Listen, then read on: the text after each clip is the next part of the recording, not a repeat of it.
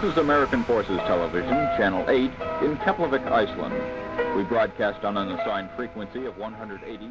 Síðasti dagur janúarmánuðar árið 1964 var dimmur og kaldur og maðurinn sem gekk um stofugólfið í glæsilegu einbilshúsi sínu í Njarðvík vissi ekki að líf hans var um það byl að kollsteipast. Hann var þrítugur en breyðilegt andletsfall og ábúðað mikið fas bættu nokkrum árum við útlitið og gerðan fullarhanslegri, auk þess sem hann var hálfu höfði herri en flestir menn.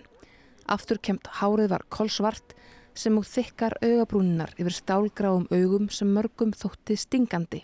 Maðurum var klættur í svört jakkafött sem hann hafði ráttið sér sníða á sig, brotið óaðfinnanlegt í buksunum. Gólfið var þakkið hnaust ykkur teppi sem fætutnir sukku í eins og mosa. Teppi sem eitt fyrirtækja hans hafði raunar flutt inn. Það er ímislegt sem ekki má,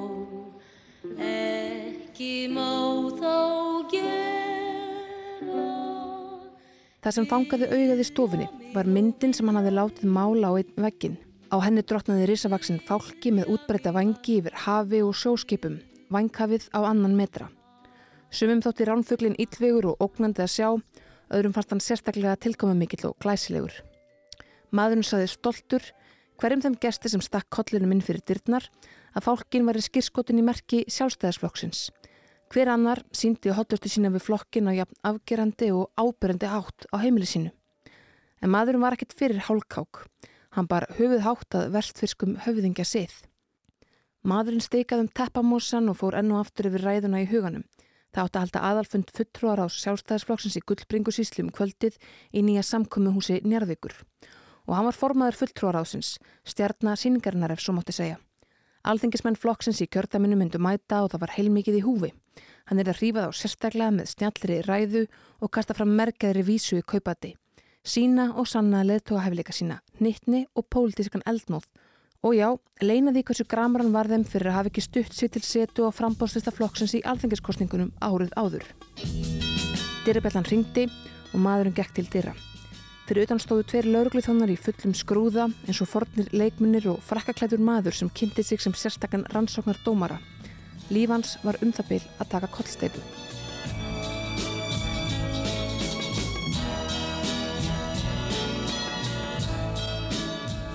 Einhvern veginn svona má ímynda sér eina helstu örlega stund í lífi íslenska aðtatnamannsins Jósafats Argrímssonar þegar hann var handtekinn í fyrsta skipti en ekki það síðasta. Í þessum þætti og þremur næstum ætlum við að reykja æmintýrlegan fyrir Jósafats hérlendis og ekki síður erlendis þar sem hann kallaði sig Joe Grímsson. Joe var stundum nefndur alþjóðlegur svikarhappur í fjölmjölum en lögmaður hans í sagamáli og sjönda áratögnum saði Jósafat hins verið vera hvorki meirann í minna en íslenskan dreifus og líkt honum þannig við þekktasta fórnalan breyttaglæps í mannkynsögunni. Ofsóttur píslavottur eða óprúttin svindlari, hver var Joe Grímsson? Jósafat Argrímsson fættist á Mýrum í dýraferði árið 1933 en nólst upp á Ísafjörði. Hann var einn af 19 börnum Argríms F.R. Bjarnasonar en þau voru 8 talsins með fyrri eiginkonans og 11 með móður Jósafats. Argrímur var prentari, reitstjóri og kaupmaður. Hann var líka einn af stopnendum sjálfstæðisflokksins. Móður Jósafats var ásta Eggertsdóttir Fjaldsteð, dugnaðar forkur sem meðan annars hafði lært Karlmannafattarsum hjá Andresi Klæðskera í Reykjavík og þótti liðtæk áhuga leikona fyrir vestanum ára byl. Uppeldið á barnaskarinum kvildi að mestu leiti og herðum ástu þar sem Argrímur var langtvölum að heiman. Jósafat hafði móður sína í hávegum eins og Valtýr Sigursson fyrir um ríkisaksóknari komst að þegar satt eitt sinn með Jósafat í flugvel. Við skulum gefa Valtý orðið. Hann var náttúrulega alltaf reynd að gera eitthvað á sér og, og, og ég veit ekki hvað það er sko en hann taldi sjálfan sér mjög heiðarlega mann sko. Það vant það ekki. Ég satt með hann í flugvel einhvers veginn frá London og uh, talaði mikið við hann og hann var meðal annars að segja mig frá uppeldi uh, síni og Ísafjörði og áhrifinu sem móður hans hefði haft á hann. Og hún var svona nákvæm kona og streikt og, og, og hann hefði verið, hann hefði svona gafið skín og hann væri svona heiðarlegu vegna þessu uppeldi sem hann fekk. Og ég held að hann hefði trúaði sjálfur. Fyrir 30 árum gerði vikublaði pressan útækt á þremur umtöluðustu sónum Ísafjörðar. Þeim Ólafi Ragnari Grímsinni, nú fyrirverandi fórsetta Íslands, Jóni Baldvin Hannibalsinni, fyrir um ráþurra og Jósafat Argrímsinni, aðtafnamanni. Þar kom fram að jafnaldar þeirra á Ísafyrði kolluðu Jósafat og bræður hans Argríms Púka og sögðu þá hafa verið afskaplega uppatækjasama. Argríms Púkunum var líst með eftirfærandi hætti. Þeir voru svona sérstakur þjóðflokkur, svona ribbaldar sem aðilega enginn þá var að þeir fóru gætan í burtum tíma þegar komaðar fram múlinsár og komið tilbaka eins og greifar í klæðaburðu á hátalagi. Argrímur, fadur Jósafats, þótti svip mikill og sérstæður personleiki. Hann var svarinn fjandmaður verkalýðsleitóhans og kratans Hannibals Valdimarssonar í bæjarpolítikinni en baráttan var hörð og óvægin. Enda áttu sjálfstæðismenn við ramman reypa draga á Ísafyrði þar sem jafnaðarstefnan var í hávugum höfð. Þegar Argrimur leta við rittstjórn Vesturland sögðu samherrir hans að pólitískir anstæðingar í bænum hefði ekki beint skeitum sínum jafn harkalega nokkur manni og honum. Í samrami við aðrar bardaga aðferðir alþjóðflokksmanna á Ísafjörðim hafa flestar árásinnir á Argrim verið gerðar af hinnum fúlasta ódrengskap og til fullkominar vansemdar bæði árásarmununum sjálfum og flokkiðra. Jósafa dólst upp á þessu fjölskipað á annarsama heimili í andrumslótti miskunnulegsar pólitískrar baráttu og harðviturar keppni um meiri lífskeiði á kreppu árun fyrir setni heimstyrjöld. Bernska hans á Ísafjörði var þó ánæguleg, laus við eftirlit og afskipti eins og æskuvinnur hans Ragnar Áki Jónsson segir okkur. Við möttum algjörð fransis, alveg frá ballvestum, hann var hægt út á mótana fyrir að gafa mann á kvaldinu, enginn að rekast við það maður var að gera. Jósafat þótti einna líkastur föðu sinum í skapferðli af bræðrunum og hann var svo eini sem Argrimur tók með sér á bæjarstjórnafundi öllu ár sem hann satt í bæjarstjórn á Ísafjörði. Jósafat, þá aðeins smá strákur, satt hérna ótal fundi og hlustað á ræðuhöld og karpum pólitísk þrætu eppli og verkefni bæjarins. Fadir hans varaðan samt við stjórnmálunum og kallaði pólitík skítverk. Varnaðar orð sem Jósafat skellti skottleirum við þegar framliðu stundir. Jósafat myndist æsku árana í ítarlegu viðtali við Svanhildi Konrastóttur í tímarætunum mannlifi sent á nýjunda áratögnum og sagði þá nálagðina við ólgandi allansafið og hörkuna í lífsbáratunni hafa mótað sig. Það skal tekið fram að beinar tilvinninir í Jósafat í þessum þætti eru margar fengnar úr mannleysviðtalinu. Ég lít fyrst og fremst á mig sem ísfyrðing og, og elska Ísafjörð. Ég drakk það í mig með móðurmjölkin að kenna aldrei í brjóstu um sjálfa mig og láta aldrei degan síga. Hann saði þetta var haft að leiðarljósi allar gutur síðan að læra að harka af sér og hlæja í gegnum tárin. Jósafat hvaðst einning hafa verið góðhjartaður og hjálpsamur frá blötu barnsbeini. Ég manna þegar ég var 12 ára klætti ég mig upp sem jólasvein og færiði þeim gjafir á Ísafjörði sem ég taldi að minna mættu sín. Þetta er innræti mitt. Það á að gefa börnum brauð að vita í. Jósafat helt suður og útskrifast úr samvinnuskólinum 1950 eftir árs nám, 17 ára gammal. Um þetta leiti var hann í fyrsta sæti í dægurlagarsöngkeppni í Keflavík og hann var einn vetur fyrir vestan eftir það og söng þá með ímsum ballhljómsutum, lög eins og Chattanooga, Shushan Boy og Silver Dollar og var óþreytandi eins og eitt félagans orðaða. Hann kendi líka í nokkra mánuði á námskeiði fyrir yðnaðmenn og Ísafjörði en framtíðin var óráðinn og fá tækifari í búði á Íslandi eftir stríðsáruna. Bandaríski herin snýri formlega aftur til Íslands árið 1951 og kom upp herstöði keflauguflugull.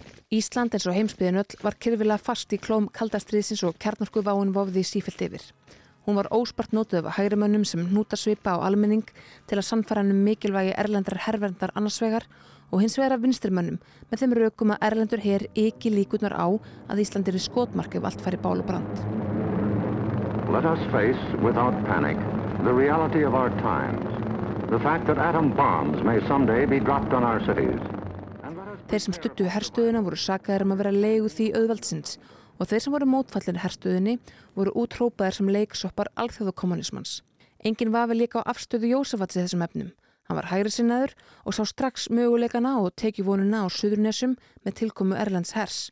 Þetta var körlandi, krónisma og spillingar.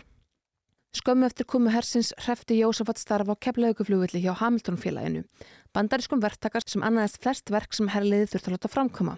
Varð yfirverkstjóri hjá félaginu aðeins 19 árað aldri og hafði talsverð mannaforráð.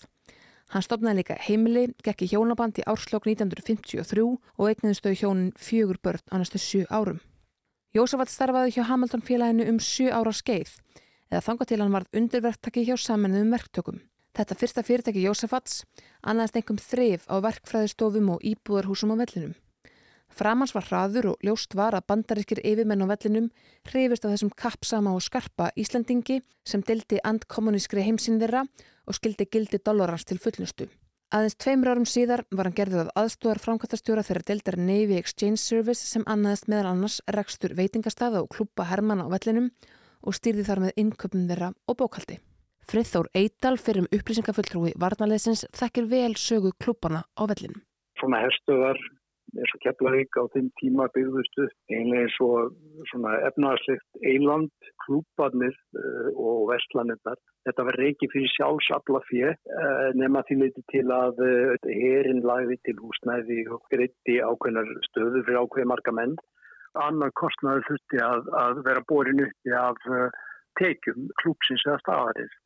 1961 þá verða umskipti á vellinum á þann veg að, að þá hættir flugherinn að sjá um bækistöðareksturinn og rekstur á flugvellinum, húsnæðinu, allir þjónustu og klúbónum og öllu stíku og flotin tekur við. Það tekir svona klúb, segja klúba sem dæmi að það er alltaf til, það er til eitthvað sjóðum, til hefur í raun þeim sem hafðu lagt til og, og, og verið ískiptavinir klúpana uh -huh. á uh, uh, fram að þeim tíma. Og menn sá fyrir sér þetta lægi kyrkt að þá færi þetta bara yfir til flotan sem ekkert er til unni. Jósafat var þá ekki svo eini af svonum argrím sem hreyðrað hafði um sig á vellinum. Þannig var Jón bróður hans skrifstofustur hjá Navy Exchange og tengdist í rekstri Jósafats á klubunum.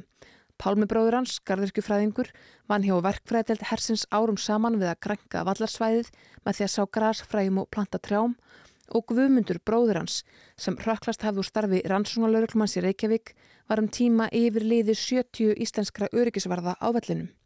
Yfirmenn bandariska herliðsins kunnu vel að meta argrimspúkana og treystu þeim fyrir trúnaðarstörfum. Jósafat var sömulegis mjög virkur í stjórnmálastarfinu Sidra.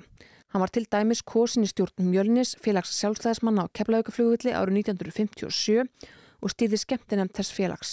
Þegar alþjóðbandalæði hjælt fundi Keflavík í nóvambur 1957 stegi Jósafat óbóðin þar í pontu. Þjóðviljin, dagblaða vinstrimanna, lísti innleiki hans svo.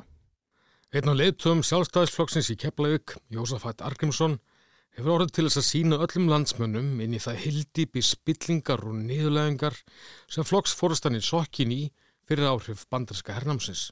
Fjárháur Jósafats vankaðist verulega á þessum árum. Hann reisti veglegt einbilshús í Njarðvík 1961 og þátti lifa ríkmannlega. Átni Samúlsson, eigandi Sambíóna, þekkti Jósafat ágætlegur Keflavík en þar keftust þeirri viðskiptum út daginn en voru félagar á kvöldin. Hann var mikill sjálfstæðismæður hann Jósafat, var með stittu af Ólefi Tórsínni á skrifstöðu hjá sér og ég segi bara hann var sérstaklega góður vinur hann Jósafat.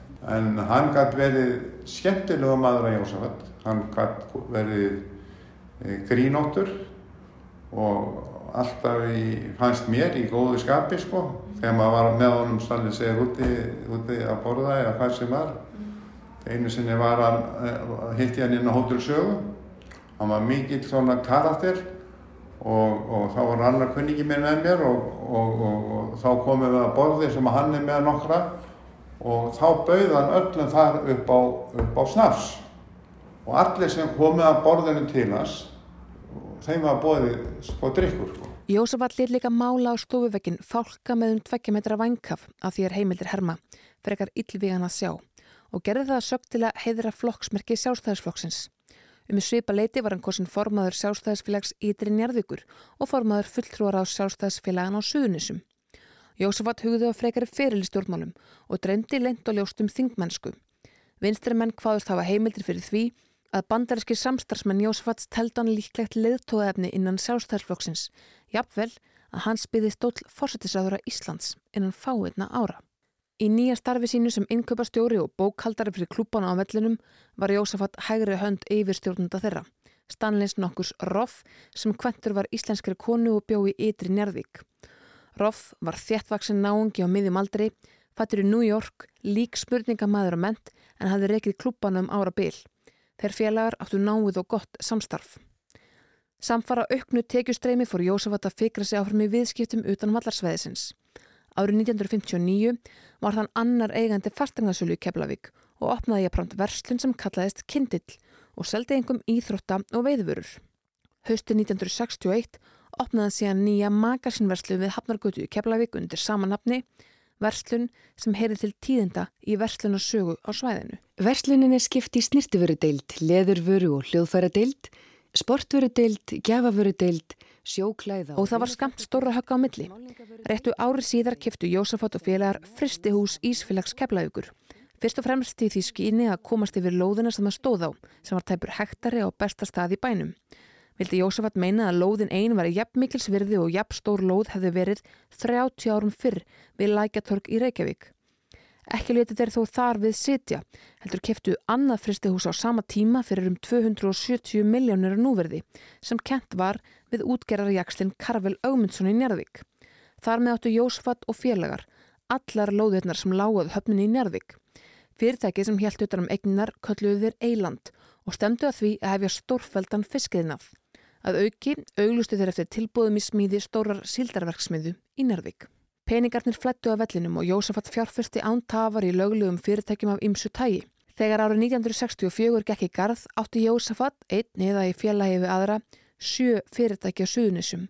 Verslanir Kindils bóka útgáfuna Ásaþór, inn- og útflutningsfélagið Viking Trading, kassagerð Suðunisja, Ísfélag Keflavíkur, Prentsmiðju Suðunisja og Endurskoðunar og Logfræðiskrifstofu Suðunisja.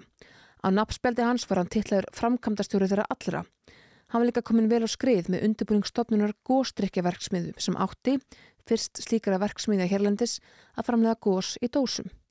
Jósafat var þá aðeins 30 ára aldri. Verti líka minna á að allt fram á hausti 1963 hafði Jósafat að rekið öll þessi fyrirtæki í hjáverkum með fullu starfi hjá klúpunum á vellinum.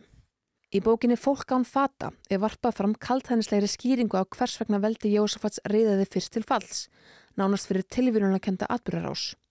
Nokkur áður hann vek sjálfur úr starfi á vellinum hafði hann rekið íslenskan undirmann sinn á einum klubnum eftir að kasta þessi kekki á millið þeirra. Starfsmæðurum krafðist þess að hann dragi uppsögnuna tilbaka eða hefði hann verra af. Jósafat leti þessar hótanir sem vindum eiru þjóta og saði starfsmæninum brottrekna að geta þessum út í frís. Svo segir í bókinni. Starfsmæðurinn gerði sér þá lítið fyrir og skrifaði þremur aðalum bref, tveimur íslenskum og einum erlendum þar sem farið voru rauk fyrir því að hinn nabtókaði suðunesemaður hefði rekið ólöglega starfsemi. Segir ekki Marta fljótum viðbröðum Íslendinga en aftur móti sáu Amerikanar ástæðu til að kynna sér málið. Endir var sá að þessi verktakastarfsemi var ansökuð og þóldi ítla dagsljósið. Kom meðal hans fram að látnir menn hefur verið á launum þarna um tíma. Sannaðist það hér eins og áður og oft veldur lítil þú var stóru hlassi. Eftir að bandaríski flótinn tók við liklaveldum á vellinum var ráðist í endurskoðun á rekstri klúbana sem leiti ljós umfangsmikið misferli. Jósefat og félagar hafðu meðal annars útbúið vinnukort með nöfnum manna sem aldrei hafðu stíðið fæti á völlin, nöfnum manna sem voru hreitt skálskapur og nöfnum látina manna. Um þetta gengur sögur sem Einar Kárasson reittöfundur greindi frá í bóksinni Jónsbók. Sumt þótti næstum listrænt eins og þegar hann var með einhverja verktöku fyrir varnaliðið og innheimti af því laun fyrir fjölda manns sem sumir hverjir voru uppskáldaðir eða jafnveg löngu látnir. Sagt er að hann hafi sótt sér nöfn á leggsteinum í kirkjugarðinum og látið kanan borga þeim kaup. Sumir segja hann hafi verið svo séður að þeir hafi líka fengið orlof og launatengt göld. En upp um Jósafat hafi komist þegar hann let sína dauðu vinna á mikið.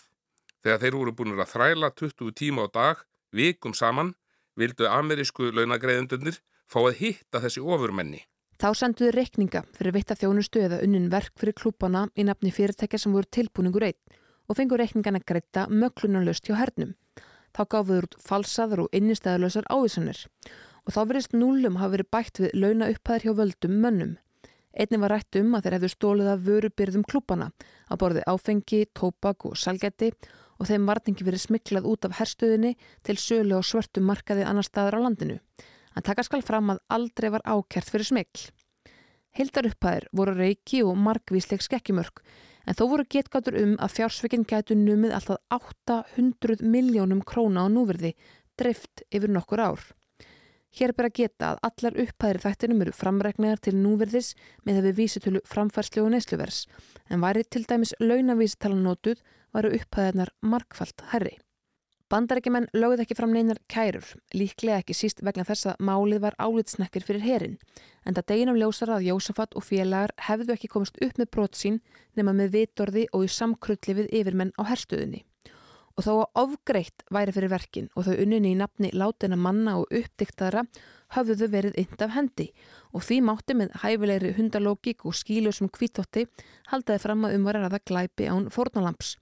Að aukiblasti við að þótt brotið hefði verið gegn bandariskum hagsmunum hefðu íslenskir aðalar einir lögsu í málum sem lutuða brotum Íslandinga. Forsvarsmenn flótans töldu því líklega heitlevanlegast að þakka málu niður hins narasta. Löngu síðar tjáði Jósafat sjálfur sig um málið. Þegar búið var að taka skýrslur af yfirmönnum klúpana laug rannsókninni þar með. En það vissu er þá að þetta var gert með vilja og vitund sinna manna. Eftir að rannsókninni laug fekk ég meira segja stöðuhækkun og launahækkun. Það sér hver helvita maður að hefði ég haft eitthvað óhreint mjöl í pókahorninu hefðu þeir rekið mig á stundinni. Jósafat letu af störfum á vellinum hausti 1963 en taldi sig hafa sloppið með skrekkin. Annað kom þó í ljós. Förstu daginn 31. janúar 1964 dró til tíðinda. Bóður var fundur í fulltrúaráði sjálfstæðarsfélag og söðunessum og þangað átt að sjálfsögðu formaðurinn Jósafat að mæta og hvetja félagar sína til dáða. Hins vegar bólað ekki Jósafat og byði fundarmenn nokkur tíma og urðustuð út órólegri eftir því sem byðin lengtist og lengtist.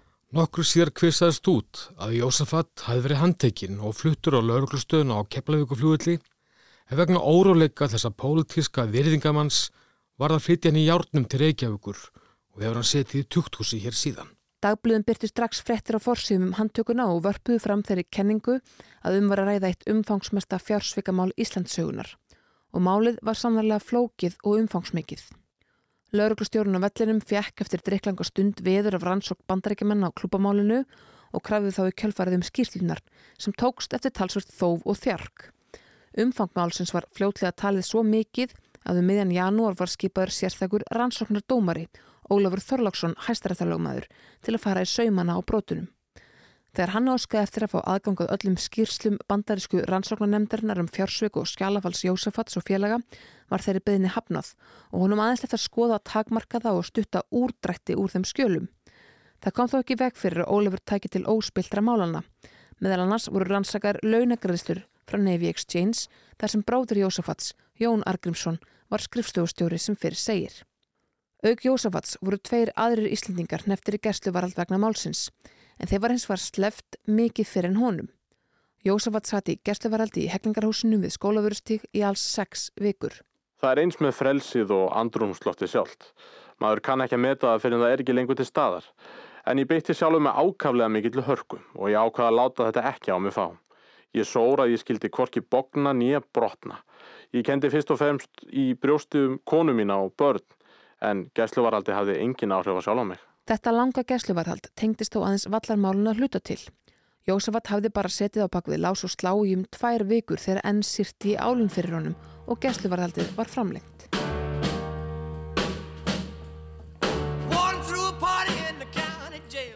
Um nokkur ára skeið hafða nefnilega haldið gangandi svo kallari ávísanakeðju með fulltingi postmestrar svo vellinum Þóruðar E. Haldarssonar. Fóru fjársvikinn þannig fram í stuttumáli að Jósafat lagði inn innistæðulusar ávísanir í posthúsinu á vellinum og upplýsingar um uppað þeirra voru símsenda til Reykjavíkur. Þrýr menn veittu fjármönunum yfirleitt viðtöku í Reykjavík. Bræður Jósafats þeir Kristján og Argrimur og viðskiptafélagi hans, Pétur Einarsson og aðfendu þeir Jósafat síðan peningana. Ekki var á tali að þeir hefðu vitað um að aðtafið væri ólulagt. Þá gæti Jósafat keirt á hólótum og grítum keppalaugavegunum til Reykjavíkur og sótt fjöð til eigin ráðstöfunar. Uppgjör póstusins á vellinum fór aðeins fram mánaðarlega og var því nóg fyrir hann að leggja inn á bankareikninga sína nægilegt fjöð í tæka tíð fyrir uppgjörði til að ávísaninnar reyndust ekki innistæðuleysar. Með þessum hætti gæti hann tryggt sér vakstarlaus og ólögumætt skamtíma lán til að bæta úr lausafjörðskorti fyrirtækja sinna. Til þess að keðjan slitnaði ekki og vekt ekki aðtegli eftirlits aðeila þurfti vitaskuld alltaf að tryggja að fjöð væri til á bankareikningunum þegar komað uppgjörunu en þegar Jósafat var hneftur í gesluvarald hrundi öll spilaborgin. Helstu samstagsmenn Jósafats á þessum árum voru þeir Ági Grens, máluramistari og Albert Sanders, rafverki. Auk þess að vera viðskiptafélagir í ymsum fyrirtækjum Jósafats voru Ági og Albert eitting virkir í starfi sjálfstæðisflokksins á Suðurnesum. Þegar Jósafat var stungið inn komist þér félagir í mikið uppnám en það var Jósafat líkil maður því að halda fyrirtækjunum gangandi með öllum tiltakum aðferðum. Voru þeir fyrðu losnir og alveg miður sín svo vitna sig verjandur ágá Albert síðan meir og er raun hálgjörðu óráði. Þeir greipi til þess ógáfulega örþrefaráðs að gefa út nýjar ávissanir í samræmi við fyrirmæli sem þeir fundu í skjölum Jósafats að höfðu samráðið við Þórð Pósmeistara. Með þessum björgunaraðgerðum ætluðu þeir að freysta þess að halda ávísanakeðunni gangandi þangu til að Jósafat er því látin laus og geti retta málum en þeir virtist eins og fleiri hafa nær blinda trú á peningaviti Jósafats og klókindum. En þegar lánastofninni Keflavík neytið að taka við ávísunum frá þeim sáu þeirra leiknum var lokið og heldur til bæjar fókit þessi Keflavík með skottuðum mellir lappana. Hjáttningar þeirra um postsveikamiluna bætti snarlega nýjum og alvarlegum sakarefnum við þau fjölmörgu sem blöstu við Jósafat vegna klúpamálsins.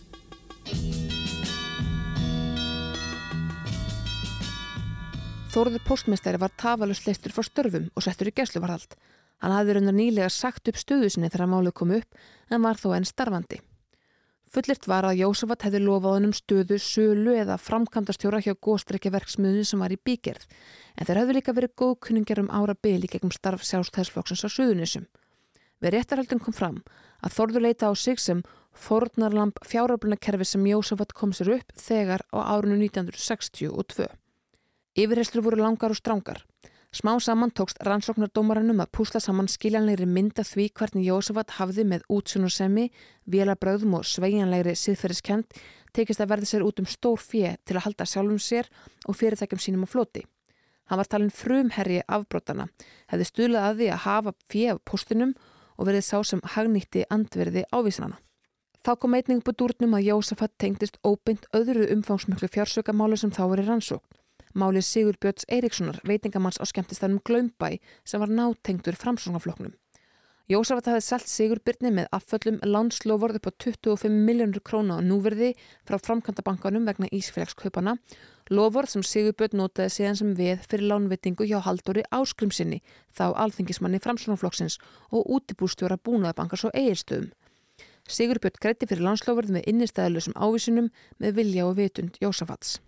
Jósafat reyndast nú að vörni sókn eftir að hún var sleft úr gesluvaraldi.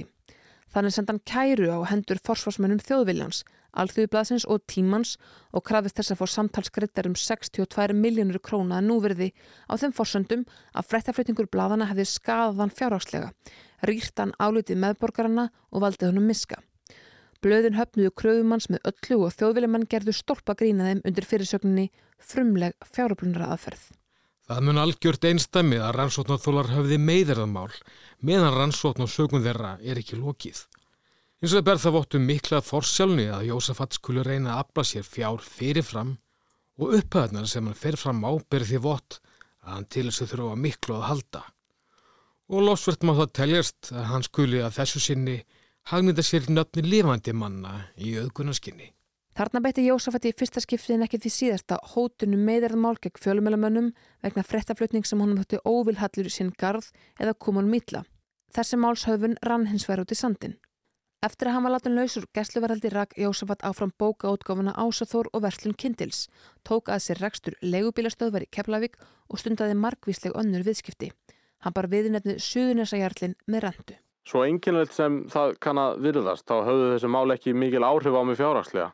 Ég hafi verið með umbóð fyrir 30 fyrirtæki og misti ekki eitt einasta. Ég hjó hins vegar á eigur mínar því að ég sá að ég hafi færst ómikið í fang.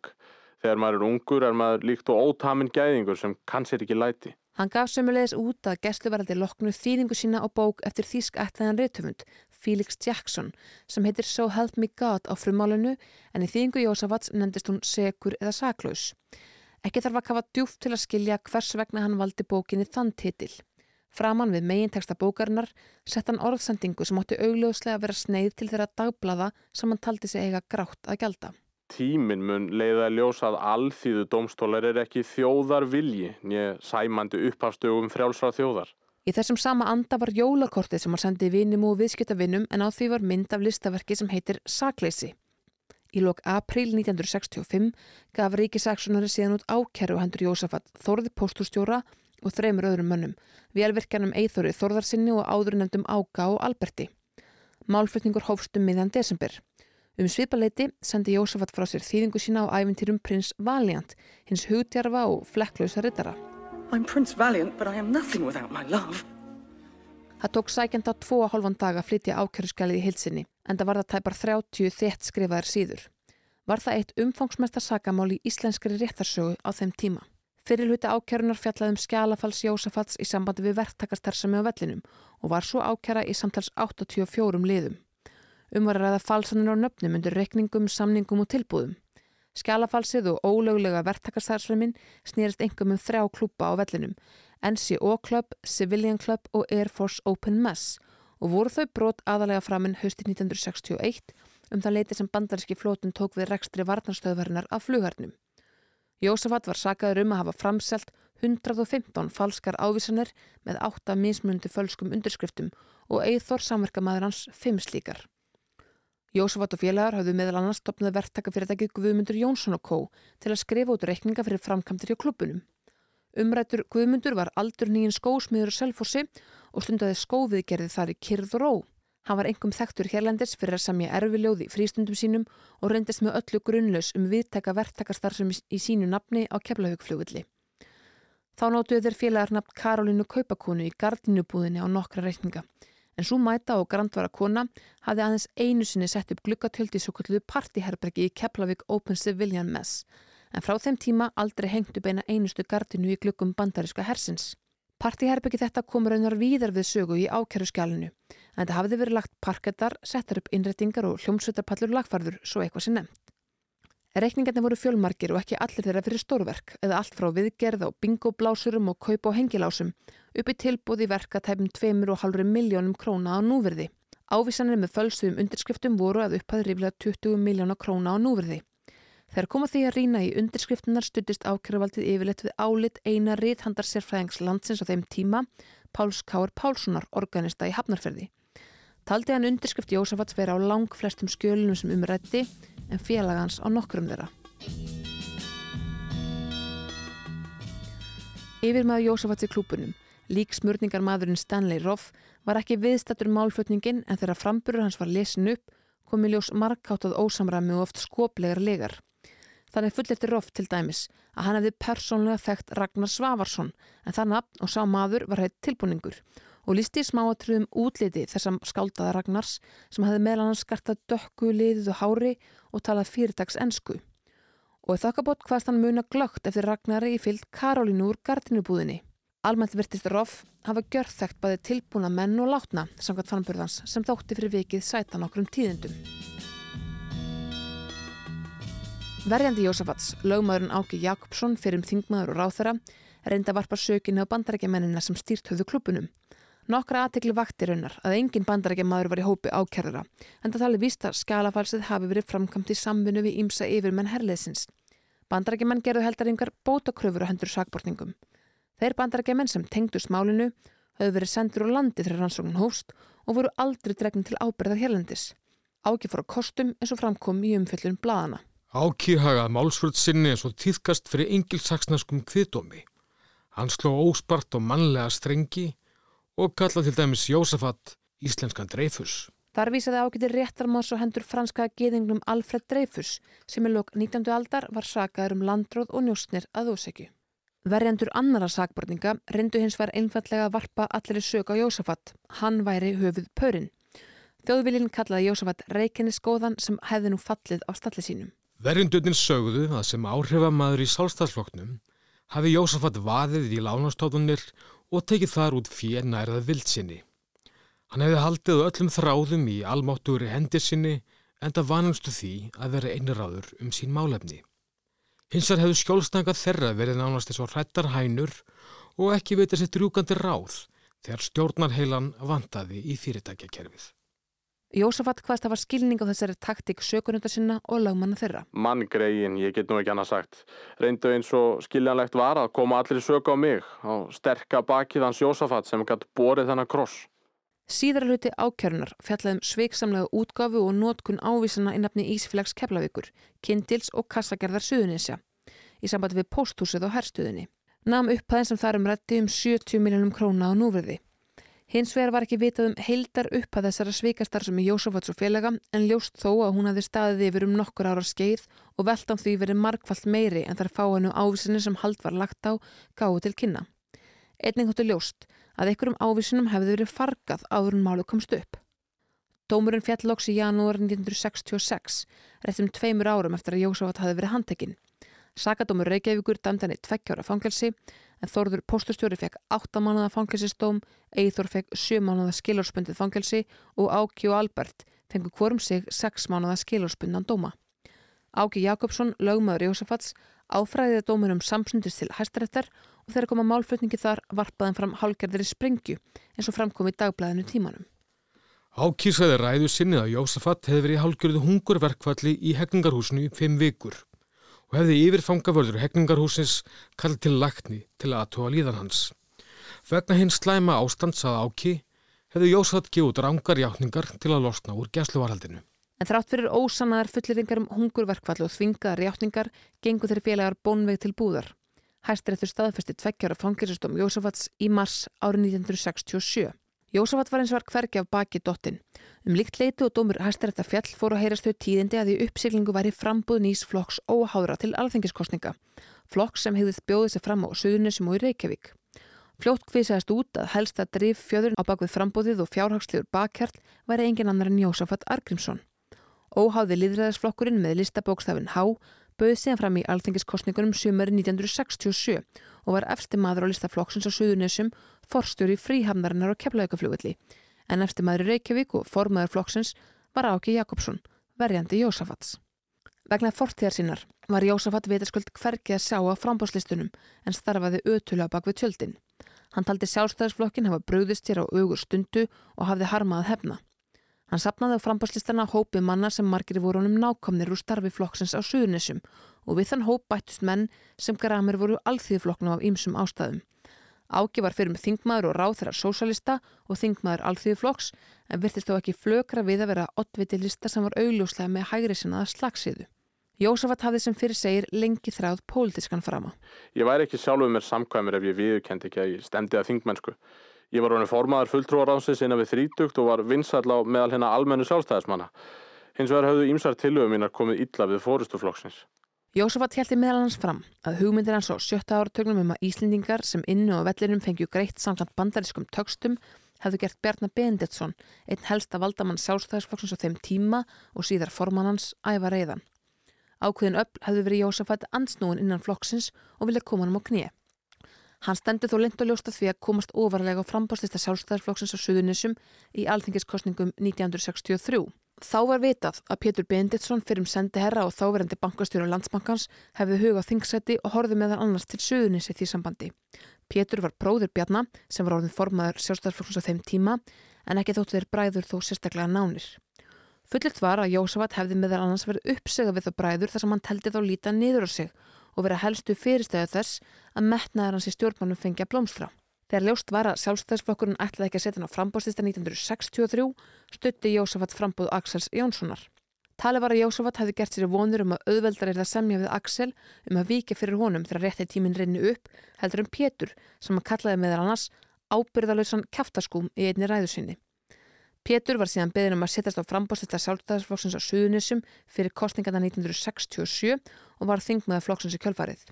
Þeir bræður, Bjarni og Pétur, fórust báðir sviplega með eins á smillibili, Pétur í júni lók 1969 og Bjarni í júli 1970 og hefðu þeir bræður því ekki geta staði lengur í vegi fyrir pólitískum draumum Jósafats en þeir draumar hafðu hvort sem er löngu beðið skipbrott í kjölfar þess að hann var dæmdur til fangavistar. Óháði líðræðisflokkurinn reið hins verið ekki feitum hesti frá kostningunum sumar 1967. Í Reykjavík fekk flokkurinn aðeins 420 atkvæði eða 1% en gekk heldur skára á Suðunisum þar sem hann fekk 623 atkvæði eða 4,2% greittri atkvæða. Jósafat held þó ótróður áfram félagsstörfum sínum, var einn af stopnendum Junior Chambers Club á Suðunisum á þessum árum og síðar meir kosin landsforsetir hreyfingarinnar. Í krafti þeirra stöðu sótt hann fjölda alþjóðleira ráðstöfna var bóðið í bandarska þingið í Washington auk þess að Jósafat var tvívegis bóðið í heimsókn í kvítahúsið í fórsettatið Nixons. Árið 1969 var síðan komið að því að hann ætlaði afplána tveggjára fangilsistum sinn. Jósafat var fluttur á Kvíabryggju en vistinn þar var að væga sagt stutt.